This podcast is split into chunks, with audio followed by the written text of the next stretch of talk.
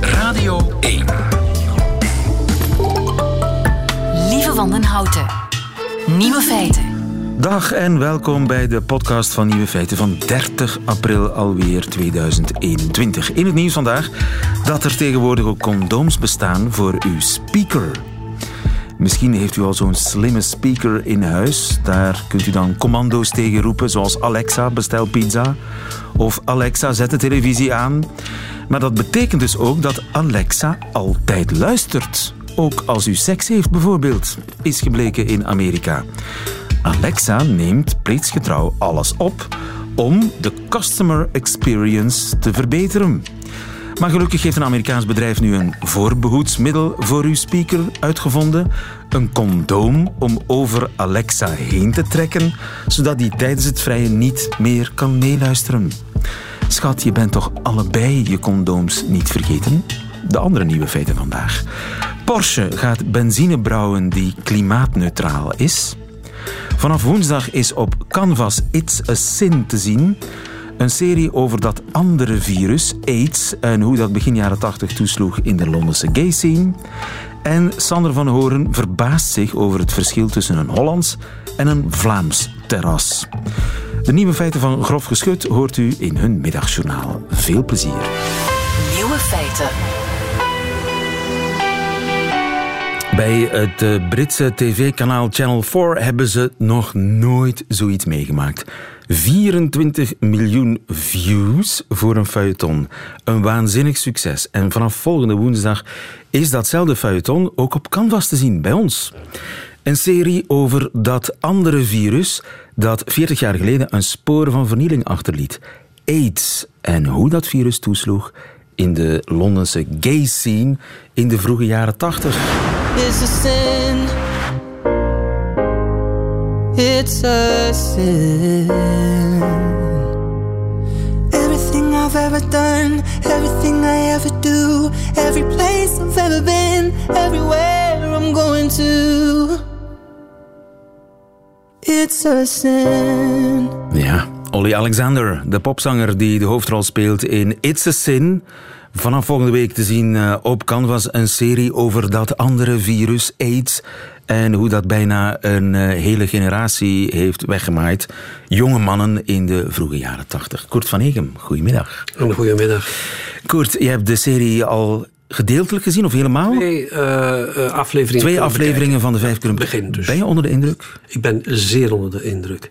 En die jongen die je net hoorde, die Olly Alexander, die Richie speelt, uh, een van de jongens die dus in 1980 in een vrije wereld, zeg maar in Londen terechtkomt, uit zijn dorpje, daar naartoe gecatapulteerd en zich ontdekt, zeg maar, wat die daarin doet, hoe die dat speelt, hoe die dat vertolkt. Het is Onvergetelijk. absoluut Onvergetelijk. Nu, uh, je hebt die tijd ook volle bak meegemaakt. Hè? Absoluut. Uh, ja. Vroege jaren ja. 80, dan was jij een uh, zeer... Ik was 27 in 80. Een aandachtzuigende seksgod, mogen we wel zeggen. Ik ben blij dat je het zegt. je hebt die tijd heel goed meegemaakt. Ja.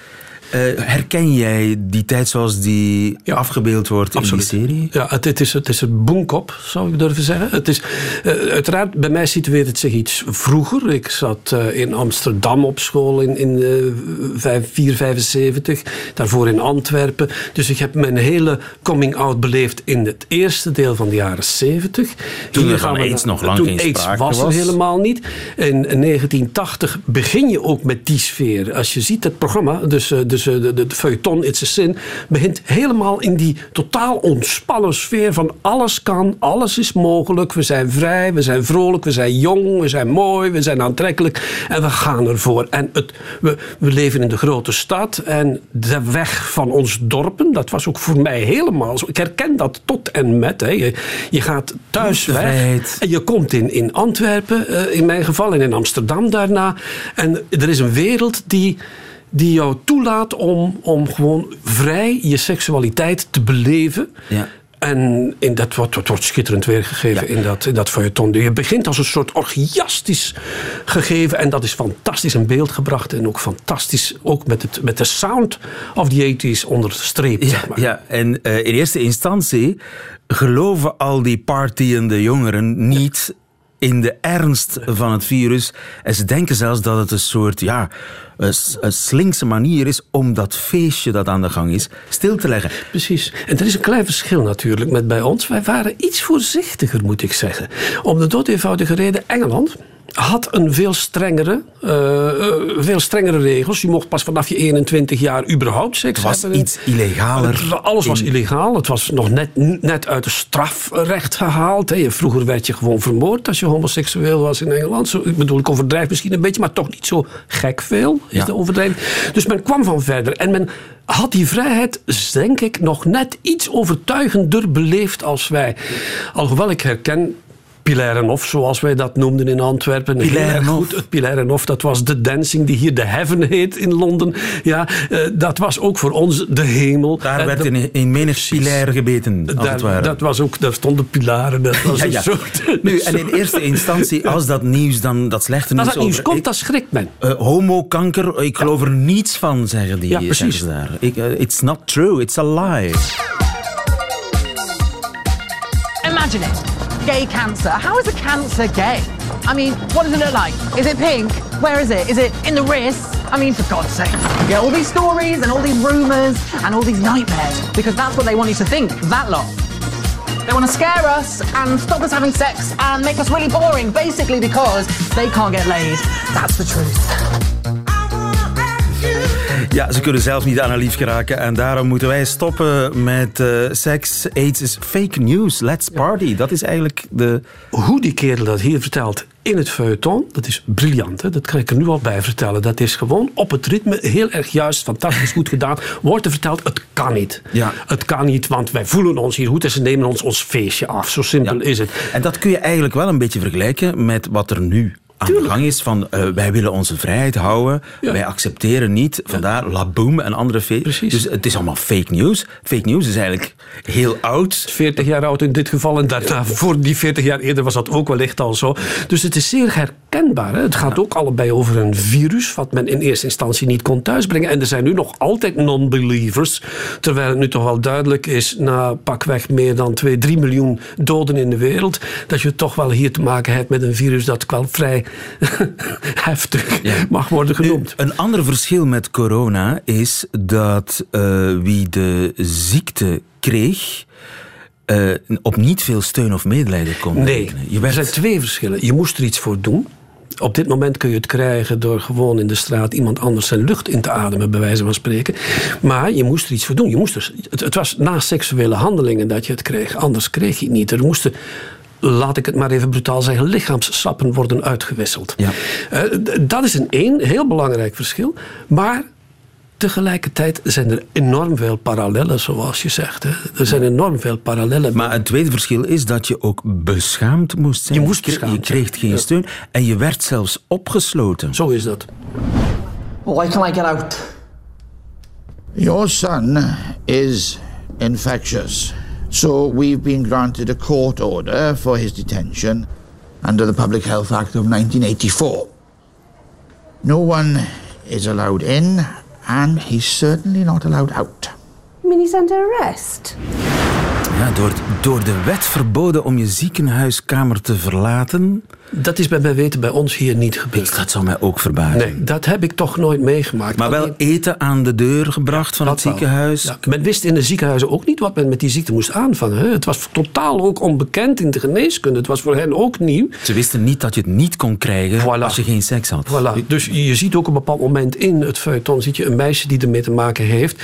die zich eh, gedurende eh, uren schrobt. Hè, want zo wordt het ook eh, weergegeven. Omdat ze denkt van, ik, ben, ik kan besmet worden. Maar dat was zo. En, ja, Op een gegeven moment dachten we dat... Men dacht dat allemaal, wat natuurlijk niet waar is. Want je moest er iets voor doen. Dat is dat andere verschil wat ik daarnet al vertelde. Ja. Maar men besefte dat niet. En er, was een, er, er ontstonden psychoses. En die heb ik wel gezien, uiteraard, in de jaren tachtig bij ons. Mensen dat men- werden ontslagen. er werd- ja, absoluut. Er werden mensen, je kwam er niet vooruit. De, bijvoorbeeld, eh, eh, als iemand. Er zijn natuurlijk kennissen. Iedereen heeft kennissen in het milieu gehad die gestorven zijn aan aids. Ook ik. En er mensen die aids hebben gekregen. En die kwamen daar niet vooruit. Die verdwenen net zoals je in het feuilleton ziet. Don't tell it. Ja. Ik, ga, ik, ga in, ik ga even ondergronds. Ik verdwijn letterlijk. Dus je hebt vrienden meegemaakt, vroege jaren tachtig in Antwerpen, die gewoon verdwenen. Oh, waar is Harry? Ja. Eh, Harry is ziek. Harry is iets weg. mee. En dan werd er dus eh, al snel bij ons de connotatie gelegd. Hè? Dat wel, hè? dat je dacht van, oh, Harry is er niet, dus Harry is ziek. En wat voor ziekte zal je dan hebben als hij er niet is? Ha, En dat was toen echt een doodsvonnis. hè? absoluut. Does everyone die of AIDS? We don't know. Does every single person die? Yeah, they do. I read your stuff. That's what it says. Ja, deze jongen vraagt zich vertwijfeld af: eh, gaat iedereen dood die aids heeft? En eh, het antwoord was toen: we weten het niet, maar we weten het intussen wel. Toen was er nog geen. eh, Er was niks, dus die ging eraan kapot. ja, dus zodra je het stadium van de AIDS was, van HIV naar AIDS, dan was, dan was het eigenlijk einde verhaal. Van de een op het andere moment. En er zijn mensen die zo bijna al hun vrienden zijn verloren. Er zijn mensen die inderdaad heel veel vrienden hebben verloren. Maar wat vooral ook gebeurde voor de hele homo-scene, de wereld viel in duigen. Het geluk, eh, bedoel, het dak stortte in. Je kon hier niet meer uiten, je moest voor alles opletten. Het heeft even geduurd vooraleer dat men goed en wel besefte... en voordat de geneeskunde ook zover was... en de informatie en de sensoras van deze wereld zover waren om te vertellen van... als je jezelf beschermt, Dan ja, kun je kan er ook niks gebeuren. Maar die met periode daartussen leefde de hele scene... die niet eh, exclusief, eh, zal ik het zeggen... eh, Getrouwd was. getrouwd was, maar die dus een overspelig leven leidde. En promiscuïteit is van alle tijden, zoals we weten. Die leefde in, in, in, in absoluut doodsangst. Zonder meer doodsangst. Want iedereen had wel eens wat gedaan. Dat niet, dat niet door de beugel kon. Eh, Ik bedoel, dat gevaarlijk was, laat ik het zo zeggen. Door de beugel kan het wel, maar het is gevaarlijk. Dus men leefde in doodsangst. Ben je ook zelf heel bang geweest gedurende de Ehm, jaren? ik ben eigenlijk nooit echt bang geweest. Ik, heb, ik ben bang geweest voor vrienden, dat wel. Maar ik ben zelf nooit bang geweest. Ik had toen het eh, bij ons bekend werd, eh, had ik een, wat men noemt een, een vaste relatie.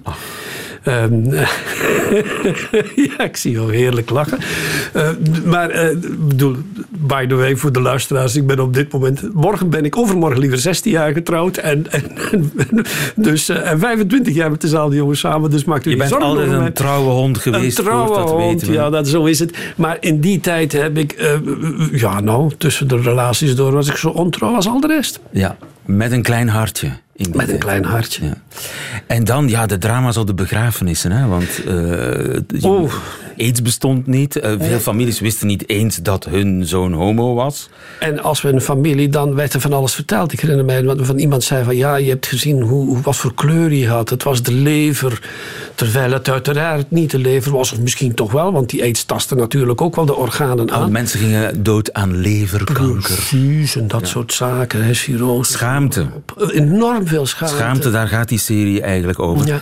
Die een enorme indruk gemaakt heeft, ook op mezelf, eh, mag, eh, dat mag ik Mhm. zeker zeggen, en op eh, Koert van Egem. Vanaf woensdag te zien op Canvas, een serie van ehm, Russell T. Davis, ook bekend van Doctor Who en Queer as Folk. En Years and Years, ook een prachtige serie.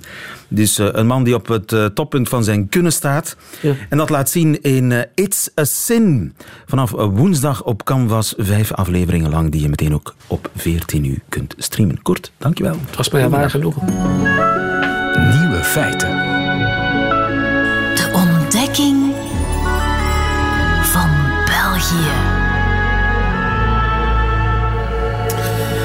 Meer bepaald door Sander van Horen, de NOS-man in eh, Brussel, die al een paar jaar bezig is met stijgende verbazing ons land te ontdekken en daar elke week verslag komt over uitbrengen. Waarvoor dank. Goedemiddag, Sander. Goedemiddag.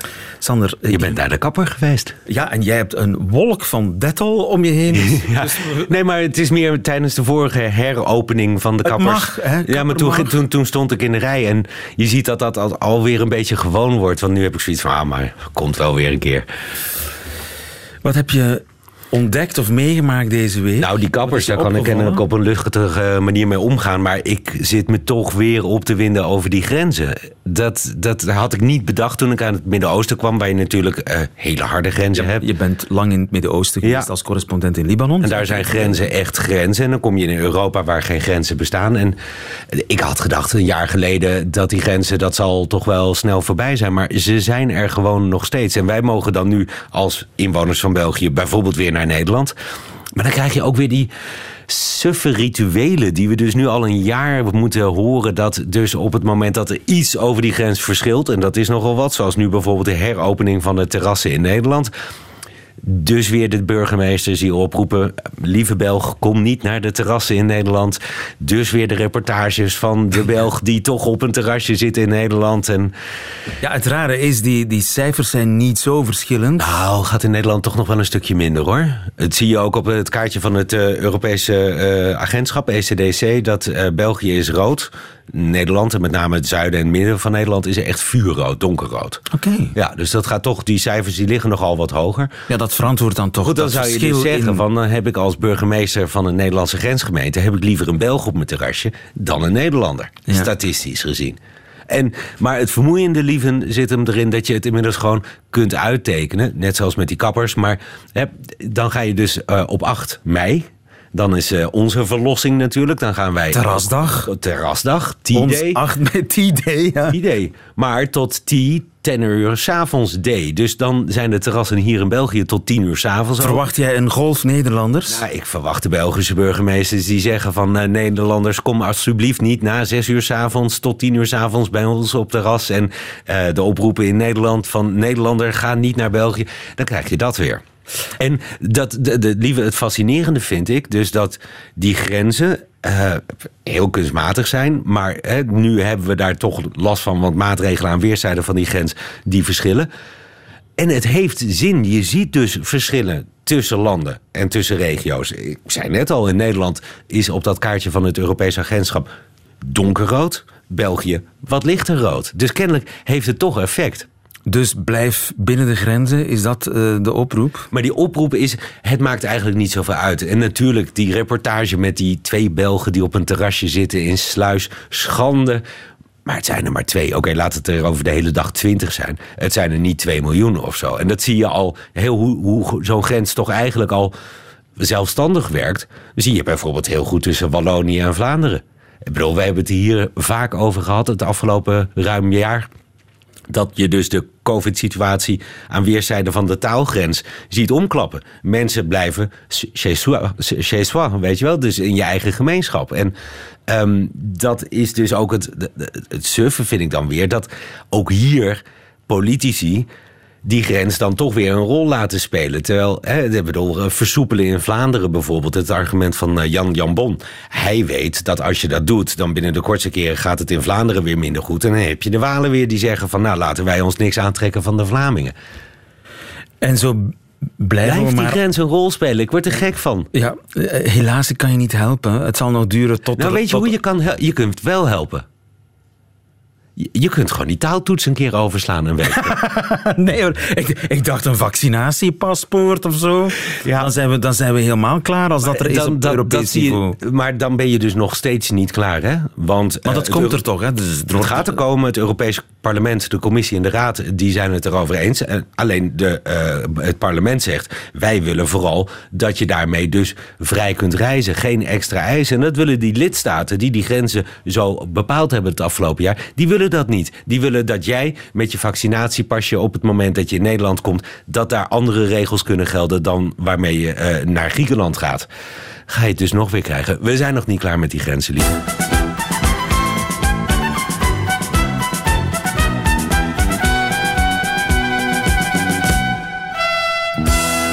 Examen Vlaams. En jij bent nog niet klaar met je examen Vlaams? Nee. Sander. Kieken. Een kuikertje? Nee. Ja. Nee? Oké, okay. kieken, kieken. Kijken dan? Nee. Ja, maar dan heb ik een context nodig. Wat is een... Oh, gij kieken. Hè? Gij kieken. Uilskuiken. Da, ja, ja, ja, ja, ja, ja, ja. Een kieken is een uilskuiken, maar eigenlijk is een kieken gewoon een kip. Ja, ook, ook een, een kip. Maar geen is kuikentje. kuiken, Een kieken is een kip. Oké, een uilskip. Ik heb kiekens. Ik heb kiekers. Oké. Ja, Ja, dat dat, zeggen. mijn associatie zou toch echt Maar, maar je kunt het ook overdrachtelijk gebruiken als kieken. Uilskuiken. Ja. Inderdaad, ja, eigenlijk. Ja. Uilskuiken, kuiken. Ik vind hem gewoon goed. Op regime. Ehm, de, de- de- op regime zou ik zeggen, op dieet. Wauw. Ja. Wauw. Ja, ik heb hem Ik- inderdaad ik- ook wel eens voorbij horen komen in een... Ja, maar die had je bij de vorige ook moeten gebruiken. Die was ook goed. Ik wou zeggen... Dat was niet helemaal goed, dat was bijna helemaal goed. Aanpappen. Dat, als, dat, dat kennen wij in Nederland ook. En dat betekent eh, eh, eh, contact met iemand maken. Dus aanpappen, vriendelijk doen. Ja. Je, je, ziet, je ziet mij sprakeloos. ja, maar als je nog Nederlandse dingen vraagt, dan weet Ik ik, heb nog wel. nooit... Oké. Niet makkelijk. Jaloezie.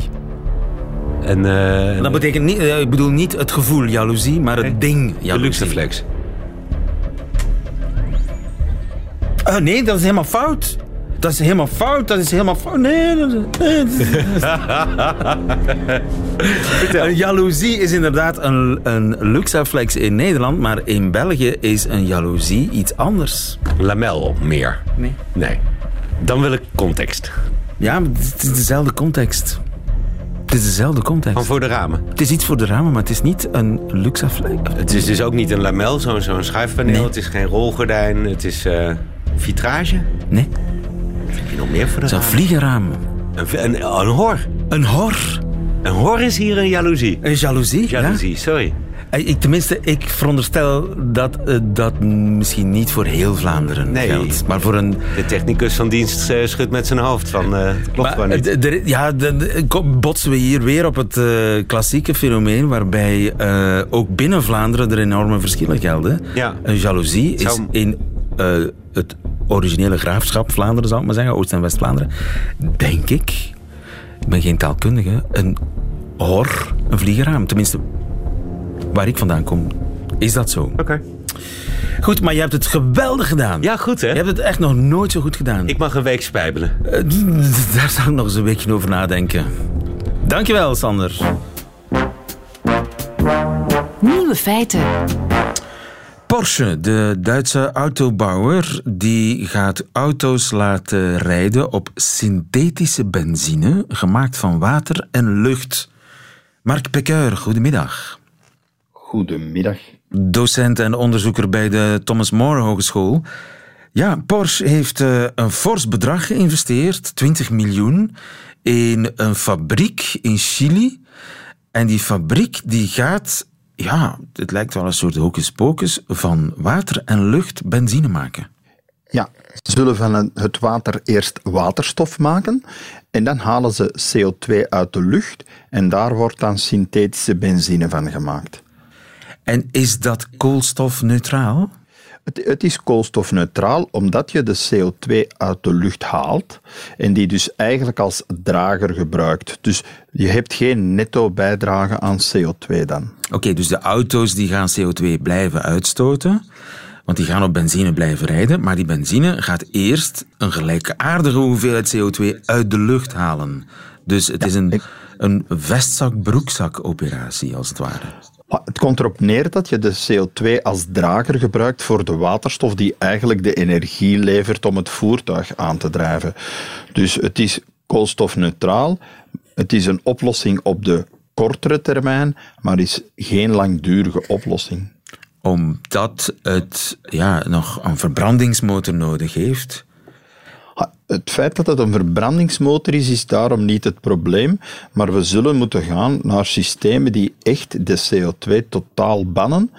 Maar het is wel een goede oplossing op korte termijn. Als we in 2030 de ambitie hebben om 55% van de CO2-uitstoot te reduceren, ja, dan betekent dit dat we heel grote inspanningen moeten doen.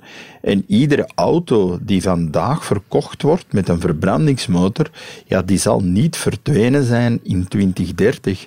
Dus als we in 2030 aan die 55% willen komen, dan is dit wel een interessante optie om bestaande voertuigen zonder iets te moeten aanpassen ook eigenlijk klimaatneutraal te krijgen. Ah ja, want dus die e-fuel, die synthetische benzine, die kan ik gewoon in mijn huidige auto tanken. Ja, die heeft eigenlijk nog betere eigenschappen dan benzine nu. Benzine heeft verschillende moleculenlengtes. Hier heb je één moleculenlengte, wat dus toch maakt dat uw eigenschappen zelfs beter zijn. En je kan dus met die bestaande auto klimaatneutraal rijden door gewoon andere brandstof te kopen. En ze gaan dat echt doen? Ik bedoel, die fabriek is gebouwd om op grote schaal die e-fuel te maken. De schaal is groot, en, en, maar ook relatief klein. Hè. We spreken hier over een 550 miljoen liter per jaar. Dat lijkt heel veel, maar de wereld verbruikt vandaag ongeveer 91 miljoen vaten olie per dag. Ja, dat is 14 miljard liter. Ja, dat is gewoon heel veel. Dus die 550 miljoen liter lijkt veel, is het ook. Maar als we dit op wereldschaal willen uitrollen, dan zullen we toch veel meer van die installaties nodig hebben. Ja, maar het is niet langer een laboratoriumding. Het is iets dat echt gaat gebeuren. Wat ik mij afvraag, hoeveel energie kost het om die e-fuel te maken? Wel, je moet toch rekenen dat je eerst de waterstof zult moeten maken. En voor 1 kilogram waterstof heb je toch al snel een, een 50 kilowattuur nodig. Hè.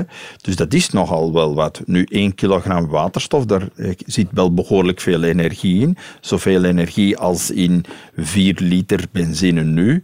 Wat betekent dat zuivere waterstofauto's eh, ongeveer 900 gram per 100 kilometer verbruiken. Maar je hebt er dus behoorlijk wat energie voor nodig. En die energie zal moeten komen uit hernieuwbare bronnen, zoals bijvoorbeeld zon en wind. En dat is het plan van Porsche, dat ze dus alleen zon en wind gaan gebruiken om de elektriciteit op te wekken die nodig is om die e-fuel te maken. Ja, klopt.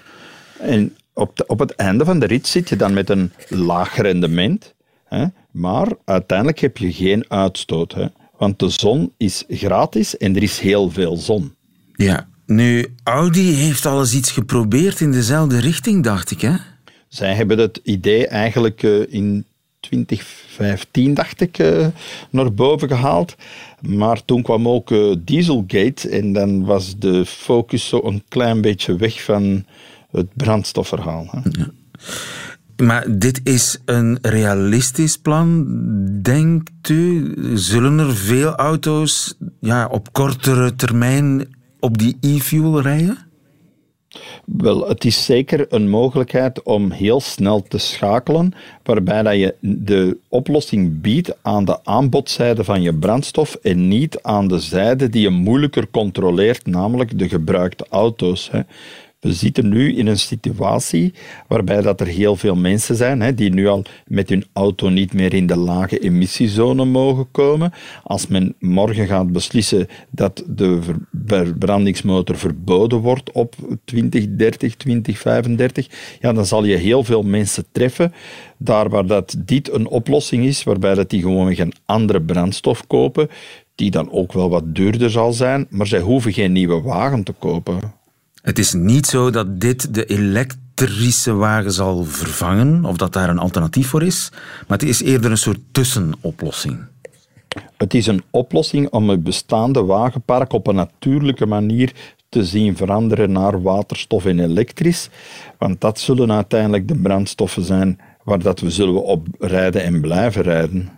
Mark Pekker, dankjewel. Mark Pekker van de Thomas More Hogeschool. Goedemiddag. Bedankt. Dat waren de nieuwe feiten van 30 april 2021. Alleen nog die van grof geschud heeft u te goed, het cabaretduo. En u krijgt ze in hun middagjournaal. Nieuwe feiten. Middagjournaal. Beste luisteraar. Morgen vieren wij in België de Dag van de Arbeid. Vanochtend werden wij gebeld door Tom. Ja, Tom is onze manager. Ja, en Tom doe, zei... Doe zijn stem eens na. Van Tom? Ja? Ik ben eigenlijk een knuffelaar. Dat zei hij na ons eerste kennismakingsgesprek in 2017. Nadat ik onhandig mijn hand uitstak. Ik mijn wang al aanbood voor een kus. Ik ben eigenlijk een knuffelaar. Schat van een mens. Topmanager. Na het overlegcomité van vorige week vrijdag is hij gaan rondbellen. Het heeft hem een week gekost om alle theaters aan de lijn te krijgen. Onze voorstellingen, die hij het afgelopen jaar ondertussen al acht keer moest verplaatsen, kunnen bijna zeker in juni gespeeld worden. Smeert uw borst al maar in. We hadden vanochtend een blije Tom aan de telefoon. Ja, en dat was even geleden. Hij gaat vanavond barbecuen met zijn dochters om het te vieren. Wij gaan het ook vieren. We gaan erop chingen. Met de nodige voorzichtigheid, dat wel. Wij willen niet naïef zijn. De dit keer echt denkers. Nee, we blijven met beide voetjes op de grond. Maar toch, we willen ook niet de eerst zien dan geloven denkers zijn. Wij zijn eerder de voorzichtig chingen, want wie weet is het dit keer toch wel echt denkers. Nou ja, of de elke reden om te chingen is een reden om te chingen toch? Is er nog kava denkers. Dus we chingen. Vandaag chingen we voor morgen, voor de dag van de arbeid. Chingen we voor de Toms van deze wereld. Die honderden voorstellingen, concerten, evenementen hebben moeten omboeken. Steeds weer opnieuw. Chingen we voor de techniekers, die te vaak worden vergeten in deze crisis. Die eerst alle theaters hebben geschilderd vorig jaar maart en dit jaar in maart bij Bosjes tegelijk hun C4 kregen. Chingen wij voor de kappers. Die zich nu tegen 100 per uur een weg zitten te knippen door de uitgroei van de klanten. Door de anders doe ik het wel zelf, zo moeilijk kan het toch niet zijn, kapsels. Door de dan alles er maar af, want dit ziet er zo ook niet uit, koeps. Chingen wij voor leerkrachten Nederlands. Die bovenop alle aanpassingen van de maatregelen ook nog eens de aanpassingen op de Nederlandse spelling door hun strot geduwd krijgen. Alsof er nooit geen leerlingen een hele grote waarde hechten aan een taal die rijker is als hun sms-taal. Chingen wij voor de dag van de gemiste arbeid. Chingen wij alsof dat, dat het enige is dat we nog kunnen doen. Want chingen is ook het enige wat we kunnen doen. En hebben gedaan. Al langer dan een jaar ondertussen. Chingen we, alsof ons leven ervan afhangt. Want er moet en zal gechingd worden. Elke dag een nieuwe dag om te chingen. En als dit ooit gedaan is, Als hier ooit een einde aankomt en we ons een weg het huis uitbanen door de lege flessen cava, en we elkaar weer treffen op de straten, zullen we dan allemaal een beetje meer Tom zijn. want eigenlijk zijn wij allemaal een knuffelaar.